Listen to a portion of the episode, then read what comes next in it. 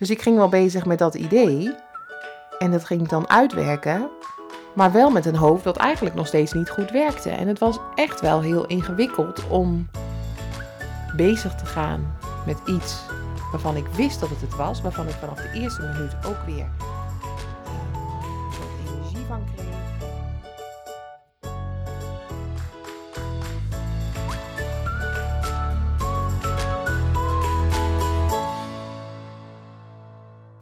Hallo, hallo. Super leuk dat je luistert naar deze podcast. Ik ben Nienke en founder van het unieke concept ASMR hoofdmassages. Ik draai een salon waar je diepe ontspanning ervaart door deze combi en heb een academy waar je kunt leren hoe je zelf een expert wordt. Vind je net als ik dat het ontspannen door ASMR de norm gaat worden? Wil je graag weten wat ASMR hoofdmassages voor jou kunnen betekenen? En ben je benieuwd naar mijn reis als ondernemer? Dan is dit de juiste podcast voor jou.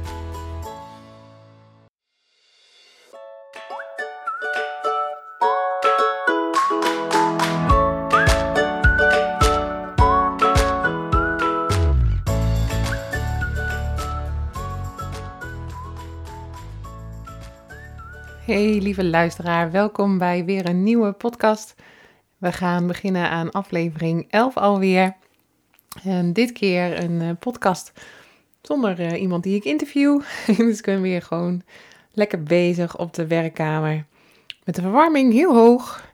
Ik heb zo'n elektrisch kacheltje hier staan, want ik vind het buiten echt heel erg koud. En ik ben altijd jaloers op mensen die houden van kou. Want ik ben het tegenovergestelde. Ik ben echt gemaakt voor de lente en de zomer dan, uh, dan voel ik me het fijnst. Gewoon qua comfortabelheid in mijn lijf. ik heb het gewoon echt de hele tijd koud. En, maar ook gewoon mentaal. Ik, uh, ik ben echt wel wat gevoelig voor als al die blaadjes vallen. Nou, met mij vast veel meer mensen. Het is niet dat ik ongelukkig ben, maar wel dat ik denk, hé hey, jekkes, dit is ook niks aan.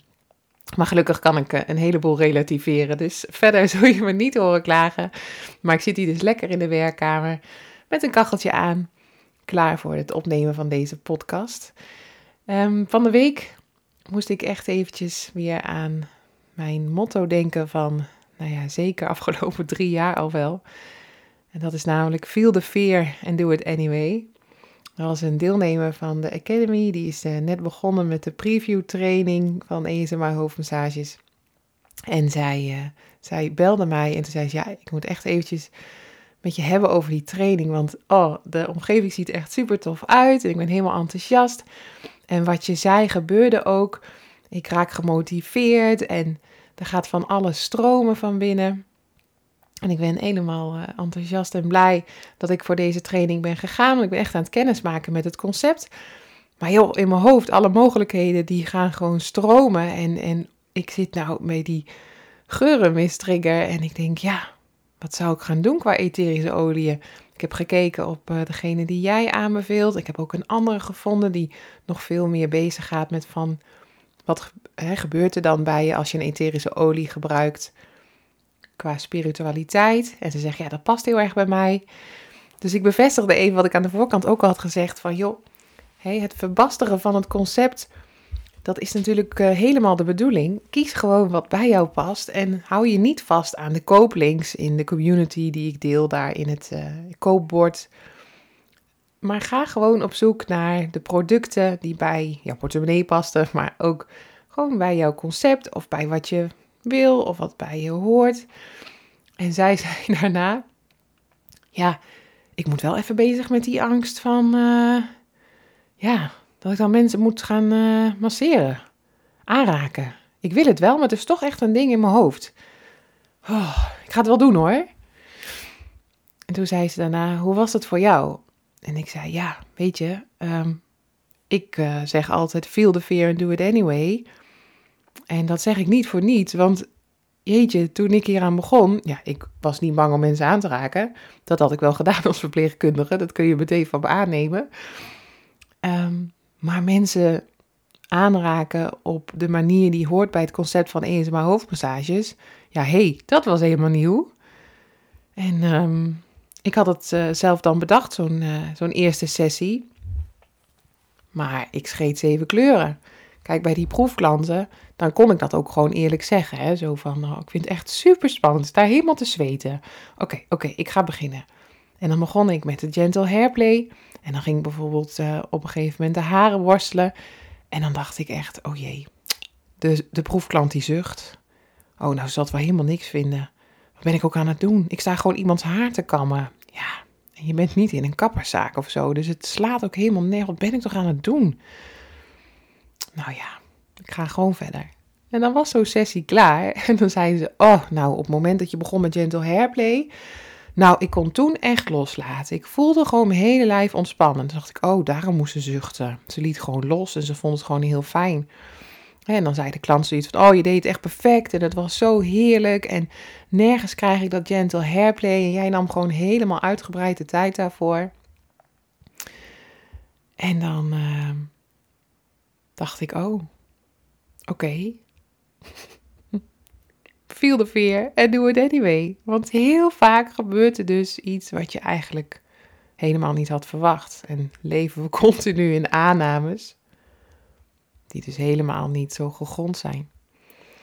Dus welkom bij het thema van deze podcast. Feel the fear and do it anyway. Ik praatte dus een beetje door met die vriendin en ik zei: Weet je, als je dit voelt, dat beetje zo ongemakkelijke, rare gevoel, waarvan je eigenlijk denkt: Ja, wat moet ik hiermee? Nou, ik ga, ik ga straks even weer wat anders doen. En dan vloeit dat gevoel weer weg. Dat is dus helemaal logisch, want dat is het gevoel dat je um, ja, een beetje ongemakkelijk bent. En een beetje angstig misschien. Een soort gek gevoel van onrust.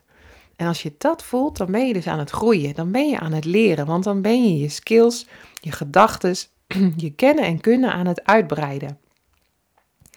Alleen, we verliezen dat gevoel een beetje. Kijk, op het moment dat je je middelbare school doet of je beroepsopleiding zo een beetje in het geëikte plaatje en ook in die volgorde, uh, dan hebben we die gevoelens waarschijnlijk ook wel gehad.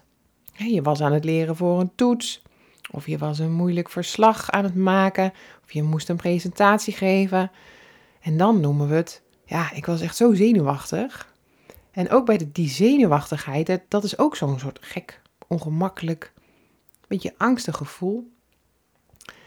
Maar dan, dan vinden we dat normaal. En gaan we dan op een gegeven moment aan de slag in het beroepsveld wat je gekozen hebt, dan heb je veel minder te maken met dat gevoel. Dus dan verleer je haast om dat gevoel in ieder geval te herkennen. Laat staan om er comfortabel mee te worden. Dus ik zei tegen de vriendin van als je hiermee doorgaat, dan komt er een moment dat jij gaat oefenen op je proefklanten. Hè, want bij die preview training zitten dan twee ASMR triggers. Die ga je je eigen maken en dan ga je oefenen op, uh, op je proefklanten. En er komt een moment dat je het zo vaak hebt gedaan dat je dus comfortabel wordt. En dat die fear, dat die dus verdwijnt. En dat je misschien wel de conclusie trekt van, oh, nou, oké, ik kan dit dus gewoon. Oké, cool, dan wil ik meer. En zodra je bezig gaat met meer, komt dat gevoel weer terug. Want dan komt er weer iets anders waarvan je denkt: oh ja, daar gaan we weer. Ik voel me weer zo. Huh. Maar dat huh, dat is die veer. En die voel je dus. En dan ga je er doorheen. Dan ga je het toch doen. En dan ontstaan de hele mooie nieuwe paden die je kan gaan bewandelen zodat je het leven kan gaan leiden wat bij je past. Waar je echt blij van wordt, waar je passie bij voelt, waar je voldoening bij voelt, waar je energie van krijgt. Dus ze zei ook, oké, jij hebt dit dus ook gehad. Ik zou, jij hebt dit dus ook gehad? Jeetje, uh, je moet dus weten. Ik heb uh, drie jaar die salon deze maand. Hè, dus dat gevoel van onrust en soort angst bij het masseren van klanten, dat heb ik niet meer. Kijk, tuurlijk heb ik wel eens een onzeker moment als ik een klant heb die heel veel ligt te zuchten. Of steeds een beetje beweegt. Dat ik denk, oh, vindt ze het wel fijn? Straks vindt ze het helemaal niks. Maar heel vaak denk ik daar meteen achteraan, er zal wel een uitleg zijn. Soms vraag ik er ook naar en dan zeg ik, joh, ik zag op een gegeven moment wel wat onrust tijdens de sessie. Hoe vond je het? Dan zei ze, nou, ik, eh, ik had echt moeite om te ontspannen. Ik heb het zo druk gehad en ja, ik was mezelf aan het dwingen, van, nou, nu moet je gewoon ontspannen. En ja, het helpt mij altijd om even een paar keer wat dieper uit te ademen. Want dan kom ik gewoon veel meer aan in het moment. En ik merkte gewoon dat ik steeds verder wegzakte tijdens de sessie. Dus oh, ik was zo relaxed. En tada, je hebt even getoetst of jouw gedachten of jouw gevoelens, of die wel juist waren. En zoals heel vaak, daarom heet het ook een aanname, zijn die aannames niet gegrond en was er dus niks aan de hand. Dus met die vriendin had ik, uh, had ik zo even dat gesprek. Zij kon weer verder en uh, nou ja, leuk om haar enthousiasme te horen. Dus ik zei ook van, uh, hou me op de hoogte, benader me via de community, stuur een berichtje wat het allemaal met je doet en wat je plannen zijn. Heel erg leuk. En onthoud dus, je bent aan het groeien, je bent aan het ontwikkelen. Feel the fear, do it anyway. en zo moest ik na dat gesprek een beetje nadenken over, goh, hoe, uh, hoe was het voor mij? Drieënhalf jaar geleden, vierenhalf jaar geleden. Want die, die vier, die was heel duidelijk. Dat heb ik ook wel eerder verteld in podcast. Um, en ook bij het, hè, zeker bij aflevering 1 van hoe is Ezema hoofdmassage ontstaan, heb ik wel kort verteld over dat ik toen in een burn-out zat. Ik werkte toen in de volwassenenpsychiatrie. Ik was ambulant begeleider. Dat betekent dat je bij mensen thuis komt, dat je een caseload hebt met een aantal cliënten. Um, ik had er toen tussen de, volgens mij, 14 en 18. En daar kom je dan nou elke week of om de twee weken, kom je bij die mensen thuis en werk je aan hun doelen. En er speelt dan ontzettend veel in iemands leven. En ik, uh, ik raakte gewoon langzaam maar zeker in een burn-out. Simpel gezegd omdat het absoluut niet bij me paste wat ik aan het doen was. Dus ik kon het op zich wel goed. Ik vond het alleen niet leuk. Het paste gewoon totaal niet bij me. En als je dat maar lang genoeg dan toch blijft doen, en combineer dat dan ook even met een pittige zwangerschap en een uh, ook pittig herstel van de bevalling. En dus een kind, wat, uh, wat in haar eerste jaar zit. Dat kunnen alle moeders met mij beamen. Dat kost best wat energie.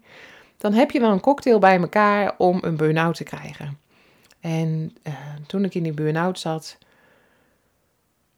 toen ja, ging ik echt wel rock bottom, om het zo maar te zeggen. Ik kon eigenlijk, nou, niet zoveel meer. Ik kon in ieder geval niet bedenken wat ik wilde. Ik wist wel wat ik niet wilde. Dat was werken in de zorg, als in, in de directe begeleiding of aan het bed. Zover was ik dan wel. Maar als mensen aan me vroegen van, goh, hoe is het nou met je? Of hoe voel je je? Dan dacht ik, jeetje, ik weet nog net mijn eigen achternaam vandaag. Ik weet mijn god niet wat ik vanavond wil eten, want dan moet ik koken. Dan moet je allerlei stappen inzetten. Dan moet je met aan elkaar verbinden en dan wordt het uiteindelijk een maaltijd.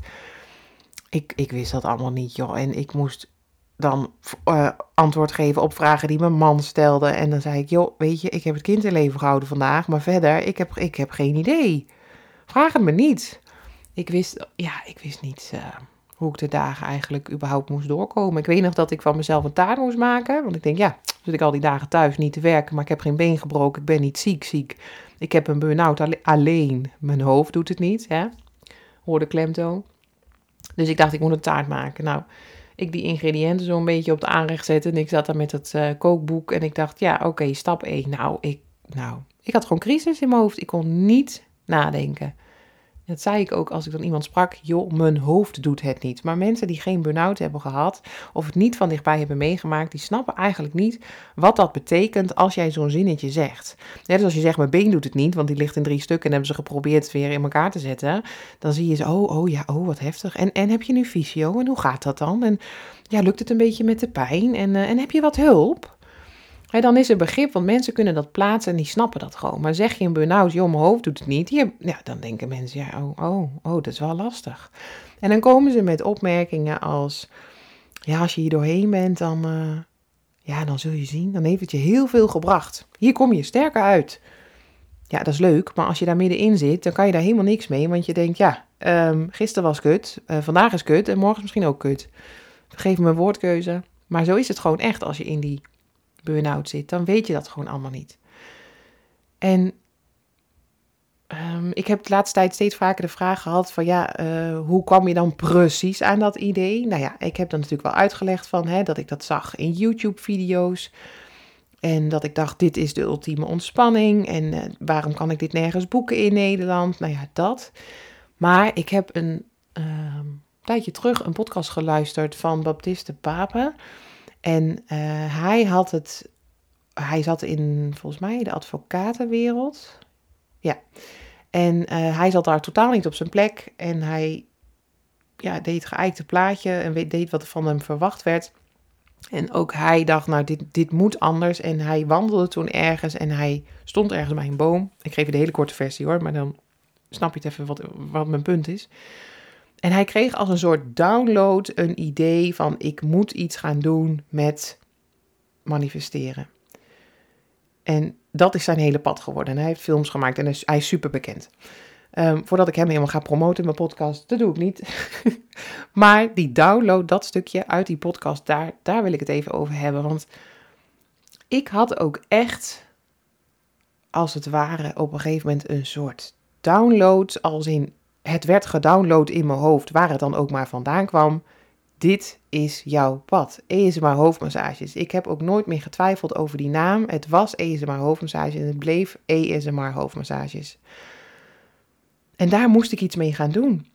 En ik wist gewoon, hè, dus dat gewoon, dat is dus niet zo gewoon, maar ik wist dus gewoon op een gegeven moment, ik ga een salon openen en ik ga ESMA hoofdmassages geven. En iedereen zei, oh wat een briljant idee en wat goed van je en jeetje wat dapper en wat stoer en nou ja, dat, dat soort opmerkingen. En um, dat laat ik ook allemaal wel binnenkomen. Maar ik vergeet nooit dat ik echt rock bottom zat en dat toen dat Eureka-moment zeg maar binnenkwam, dat het niet ineens uh, een soort um, vuurwerk en tralala-land weer was in mijn hoofd. Ik zat gewoon nog steeds in de burn Dus ik ging wel bezig met dat idee en dat ging ik dan uitwerken, maar wel met een hoofd dat eigenlijk nog steeds niet goed werkte. En het was echt wel heel ingewikkeld om bezig te gaan met iets waarvan ik wist dat het het was, waarvan ik vanaf de eerste minuut ook weer um, een soort energie van kreeg en um, wist dat ik daar voldoening uit ging halen en wist dat daar mijn passie zou liggen. Maar als je zo'n idee hebt, dan heb je nog lang geen salon en een sessie uitgedacht en je ingeschreven bij de Kamer van Koophandel en alles gekocht en ingericht en proefklanten en et cetera, et cetera. Dus die weg, die was echt, nou ja, verre van eenvoudig, uh, om het zo maar te zeggen. En ik wist wel steeds, als ik daarmee bezig was, van ja, de weg terug, die is er niet. De weg terug is die burn-out. Wat, wat komt er dan na een burn-out? Daar was ik echt bang voor. Wat, en wat dan? Als ik dit negeer, hoe het nu met me gaat, hoe, hoe ik me nu voel, ik moet iets anders gaan doen. Ik moet iets anders bedenken. En ik kan niet helemaal goed uitleggen dat ik ehm, dat ik die twee nog niet eens aan, me, aan elkaar koppelde. Dus ik had het idee van die ESMR hoofdmassages. Maar wat moet ik dan toch qua werk? Die vraag bleef bestaan. Dus ik koppelde niet dat ESMR hoofdmassages aan. Ehm, maar hier ga ik helemaal mijn geld mee verdienen en dan ga ik mijn werk opzeggen en zo gaat dat dan. Dat, dat besef was er toen echt nog niet. Ik had een gaaf idee, daar ging ik mee bezig en dat vond ik leuk en dat gaf ook een soort houvast, want verder wist ik echt helemaal niks. Ik wist niet wat ik wilde eten. Ik wist niet wat ik morgen wilde doen. Ik wist niet wat ik nodig had. Ik wist niet met wie ik af wilde spreken, wanneer, waarom en, en waar. Ik wist het allemaal niet. Maar ik wist één ding. Eten mijn hoofdmassages was onderdeel van mijn pad. Dus daar hield ik aan vast. Net zoveel als dat ik vasthield aan het idee, ik kan niet terug. En voelde ik toen ook veer en deed ik het anyway, om maar Nederlands en Engels lekker door elkaar te mixen. Ja, dat deed ik dus wel. Ik dacht, ja, fuck it. Dat dacht ik echt. Ik, uh, ik doe het gewoon. Dus door die vier heen ging ik met een burn-out hoofd en langzaam reïntegreren op dat werk in die psychiatrie, ging ik het dan maar doen. Met een hoofd wat niet goed werkte, de proefklanten. Hè, dus ik had allemaal spiekbriefjes, want ja, geen idee, wat had ik ook alweer op een gegeven moment bedacht toen ik een uh, helder moment had. Oh ja, oh ja, dan ging ik na Gentle Hairplay ging de schouders masseren. Oh ja, hoe lang deed ik dat dan? Oh ja, dan ging ik dan vier minuten doen. Oké, de timer, vier minuten. Ja, oké, go. En zo is dat langzaam maar zeker uitgebreid tot terug weer werken in de psychiatrie. Heldere focus op een andere baan zoeken die zou zorgen voor financiële rust, zodat ik mijn ESMR-plan verder kon gaan uitbreiden. Nou, die heb ik gevonden. En ik heb nu echt een leuke baan ernaast. als woonzorgadviseur in de ouderenzorgorganisatie. En dat deed ik toen, ehm, toen ik wisselde van baan, deed ik dat drie dagen per week. En ik ben uh, nu dus naar dik 2,5 jaar, ben ik naar uh, twee dagen per week gegaan. En dat geeft stabiliteit, dat geeft rust, dat geeft collega's, dat geeft een ander, um, ja, andere dynamiek in de week. En daarnaast kan ik dus vanuit rust bezig zijn met ESMR hoofdmassages. En heb ik dan in de afgelopen drie jaar heel vaak die gekke vier gevoeld? Die onrust omdat ik aan het groeien was, omdat ik iets nieuws aan het leren was. Nou, non-stop bijna. met periodes van, oh, ik zit even in een lekkere flow, want nu is er niet die onrust. Maar ik was de hele tijd nieuwe skills aan het leren. Neem deze podcast, dat kon ik ook niet hoor. dat heb ik ook echt moeten leren met tutorials en uitproberen. En vloeken omdat de techniek niet, ja, niet wilde wat ik deed. Maar dat was dan meer omdat ik gewoon niet snapte hoe de techniek werkte. Ja, weet je, social media posts doen, um, nadenken over je doelgroep, een website bouwen, een trainingsomgeving bouwen voor de Academy. En ga zo maar door. Allemaal nieuwe skills. Nieuwe skills, omdat ik ze gewoon nog niet kon. Want ja, als hulpverlener in de psychiatrie had ik al die skills niet nodig, kan ik je vertellen had ik hele andere skills nodig. En die had ik geleerd tijdens de HBO-opleiding. Dus die skills die ik nodig heb nu voor mijn bedrijf, ja, die heb ik langzaam maar zeker ontwikkeld, geleerd. Stap voor stap, als het een beheerst, met het volgende bezig. Heel veel ehm, ja, punten op een uh, overzichtelijke to-do met dingen die ik aan het doen ben, dingen die ik nog wil uitzoeken, mijn dromen, mijn wensen, mijn kooplijst. Nou, en, en zo ja, steeds door die vier heen. Dat was niet makkelijk. Maar omdat het me zoveel passie geeft, omdat het me zoveel voldoening en energie geeft, is dit al drie jaar een fantastisch pad. En heb ik, ja, die burn-out eigenlijk een soort van bedankt. Want als ik die niet had gehad, was ik echt niet tot dit idee gekomen, denk ik. Dus ja, al die mensen die tegen me zeiden: Oh, als je erop terugkijkt, dan heb je er zoveel aan gehad. En het is nu echt niet fijn. Maar weet je, ik ken ook die en die en die en die. En die hadden dat ook. En het gaat nu beter met ze als ooit. Nou, irritant om toe te geven. maar ze hadden wel gelijk. Want dat is gewoon echt wel zo. Ik heb er echt heel veel aan gehad. En ik heb het er niet zo vaak over. Maar die burn-out en de geboorte van mijn bedrijf, die gingen hand in hand. Dus ja, veel de fear and anyway met hoofdletters voor mij. Maar het hoort er dus bij. En ik heb in de afgelopen weken wat klanten gehad met een burn-out. En ik voel gewoon hun struggle. En ik voel hun verdriet. En ik voel hun boosheid. Want, oh man, wat baal je van jezelf als je in zo'n situatie zit je hebt het echt niet in een paar weken opgebouwd, zo'n burn-out. En je bent er dus ook echt niet in een aantal weken vanaf. En hoe fijn was het dan voor de klant, kreeg ik terug.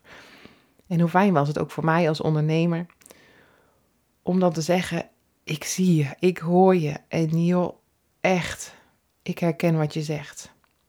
Wat goed dat je hier bent. Wat goed dat je jezelf een ESMA hoofdmassage geeft. Of wat goed dat je nadenkt over het volgen van trainingen bij de Academy.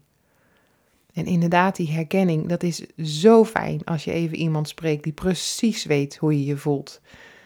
Dat als je je kind om je heen hebt, dat je denkt, hou je mond of verdwijn gewoon. Of kan ik gewoon alleen zijn op een hutje op de hei en stop met vragen hoe het met me is. Dat soort ervaringen, om dat met elkaar uit te wisselen. Ja, dat is gewoon heel erg fijn. En heb ik dan gezegd, joh, als je hier voorbij bent, dan Kijk je erop terug met misschien wel iets van dankbaarheid?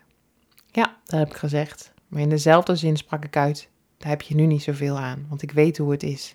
Je weet niet hoe lang het nog gaat duren en je wil hier vanaf. Je wil niet zo zijn. De hele maatschappij is niet ingericht op mensen met wie het niet zo goed gaat. je gaat of mee in de ratrace en anders dan, nou, dan heb je het gewoon ingewikkeld. Dus ehm, ja, een kijkje in het stukje burn-out van mijn leven. Alweer 3,5 jaar terug.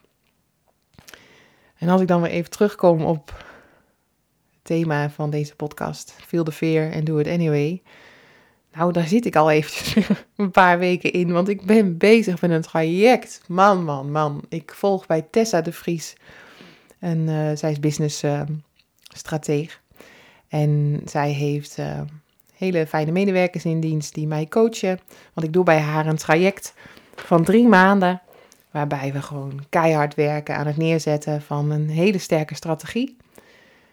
En ik heb een aantal doelen die ik heel graag wil behalen. Maar van sommige doelen weet ik gewoon niet zo goed hoe ik daar precies kom. Hè. Ik heb wel een idee. En daar zitten dus skills bij die ik al relatief beheers. Maar er zitten ook skills bij die ik gewoon nog niet beheers. Hun zeggen, ga een webinar geven. Hun zeggen, schrijf een whitepaper. Uh, ik weet niet eens wat een whitepaper is. Maar ik ga het doen. Dat is goed. Wat doe ik daar dan mee? Ja, die kunnen mensen dan straks downloaden van je site, van je academy. Ja, ja. Oké. Ja, en dan hebben we een hele leeromgeving en dan kan je allemaal video's kijken. En dan ben ik weer terug in dat gevoel dat ik achter mijn computer zit en dat ik denk, oké. Goed, ik ga nu de leeromgeving in en we gaan eens even leren wat een whitepaper is en wat ik daarmee kan. En dan ga ik het ook uitvoeren. Oké. En dan heb ik dat onrustige gevoel. Kan ik eerst nog even wat anders doen? Ja, ik moet eigenlijk ook nog een wasje doen. Ja, oké. Ja, en ik moet eigenlijk ook nog even die klant uh, een berichtje sturen, want die had gemaild of ze een duo-sessie kon boeken. Oké, ja, heb ik dat allemaal gedaan? Ja, oh, nu moet ik echt aan de gang. en dan zit ik een beetje te zweten en dan word ik wat onrustig en dan ga ik altijd een beetje pulken, en wiebelen. En denk, oh ja, ik ben er weer.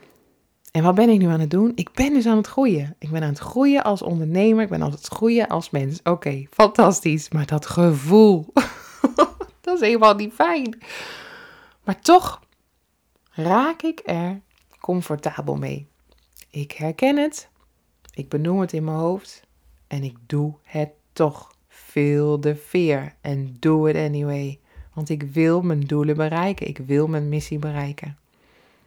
Dus ik ga lekker aan de gang met alles wat ik leer. Jullie, uh, als, jullie, als jullie me een beetje volgen, ook op social media, dan heb je gezien dat ik afgelopen weekend een hele bult content heb gedeeld. Omdat ik uh, een rebranding heb doorgevoerd. Ook daar had ik het over gehad met mijn coach. Dat het past bij wat ik wil uitstralen. En dat is dat het een high-end aanbod is van de Academy. Dat het elegant en volwassen en ja, wat chiquer is als de uitstraling die ik had. En wat ik echt van hun heb geleerd is dat ik mijn expertstatus echt mag pakken. En ik noemde mezelf al wel Nienke, expert in ESMA hoofdmassages. Maar had ik dan mijn achternaam ergens staan bijvoorbeeld? Nee. Had ik in mijn logo mijn naam staan? Nee. Er stond ESMA hoofdmassages. En mijn coach zei, nee, Nienke Brein, dat is echt het gezicht en de mens achter het bedrijf. Dat is de expert. Dat moet je gaan uitstralen. Dus toen kwam er een rebranding. En joh, dat vond ik eng. Want het logo werd anders, de naam werd anders, de websites moesten anders. Van de salon en de academy. Zelfs het plaatje in deze podcast met een andere foto moest anders. En dan kom je in alle systemen waarmee je draait, waar je de bedrijfsnamen verandert, de Kamer van Koophandel, je cadeaubonnen, je stickers op je geurenmisten, de visitekaartjes, de flyers, zelfs het bordje buiten van mijn bedrijf op mijn huis. alles, alles moest anders. Dus dat was een pens met werk waarbij ik continu die vier voelde. Niet alleen omdat ik mijn skills aan het uitbreiden was, maar ook van, ja, wat vinden mensen hier nou weer van? Straks vinden ze het helemaal niks. De sessienamen hebben andere namen gekregen, want ik kreeg van de coach terug van, hey, je hebt een allround expert training in de academy, je hebt een preview training ESMO hoofdmassages en dan heb je Indonesische namen. Hoe past dat, vind jij, binnen het concept? Nou, mijn antwoord was, dat doe ik al drie jaar, want in de salon heb ik uh, Balinese inrichting. In Bali ben ik ook geïnspireerd. Dus ja, ik vond Indonesische namen wel ja, passend en stoer. Dan zei ze, ja, dat klopt. Maar vind je dat dan nog steeds bij de Academy passen? Komt dat dan overeen? Toen zei ik, nee, dan wil ik in de Academy eigenlijk wel andere namen. Dat snap ik wel. Dan wil ik dan eigenlijk wel Engels. Ja, maar wil je dan geen eenheid? Oh ja. Ja, dan wil ik wel eenheid. Oh, dan moet die namen veranderen. Maar ja, dat moet dan ook weer overal doorgevoerd worden. Wat vinden klanten daar dan van? Straks snappen ze helemaal niet meer wat ze ooit hebben gehad en wat dan nu.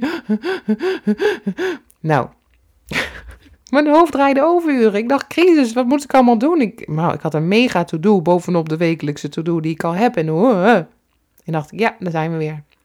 Feel the fear and do it anyway. Dus je start bij stap 1. Daarna komt 2.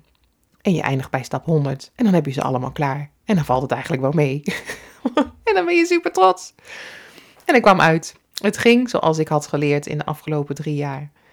Gewoon doen, door dat gevoel heen. En dan maak je mooie stappen. En ik krijg fantastische reacties. Hé, hey, wat een mooi logo. Wat leuk dat je nieuwe sessienamen hebt. Um, hey, ik wist je eigenlijk je achternaam niet en ik kom al drie jaar bij jou als klant. En zo kan ik nog wel even doorgaan. En een coach die zegt: hey, je hebt gesnapt wat we bedoelden en mooi doorgevoerd. Ga zo verder. Ja, dan is het eigenlijk wel weer rond, hè? Ik zeg het nog één keer. Als je dit herkent, dit gevoel, alles wat ik vertelde, als je daar puntjes in hoorde van je denkt: ja, dat slaat op mij. Als het weer komt, feel the fear and do it anyway. Je bent niet de enige. En zo groei je als mens, als ondernemer, als salon-eigenaresse of als je een eigen praktijk hebt. Hey, dankjewel voor het luisteren. Ik ga de podcast afronden. En uh, met de nieuwe branding ga ik deze dadelijk uploaden. En dan uh, spreken we elkaar volgende week weer. Dank voor je tijd. Fijne dag. En trek wat warms aan als je naar buiten gaat. Doeg! Dankjewel voor het luisteren. Vond je deze podcast interessant, leuk of inspirerend? Maak een screenshot en deel deze op jouw socials. Tag ESMA hoofdmassages of op je stories of in je feed. Zo inspireer je anderen en ik vind het heel leuk om te zien wie er luistert. Super dankjewel alvast en tot snel!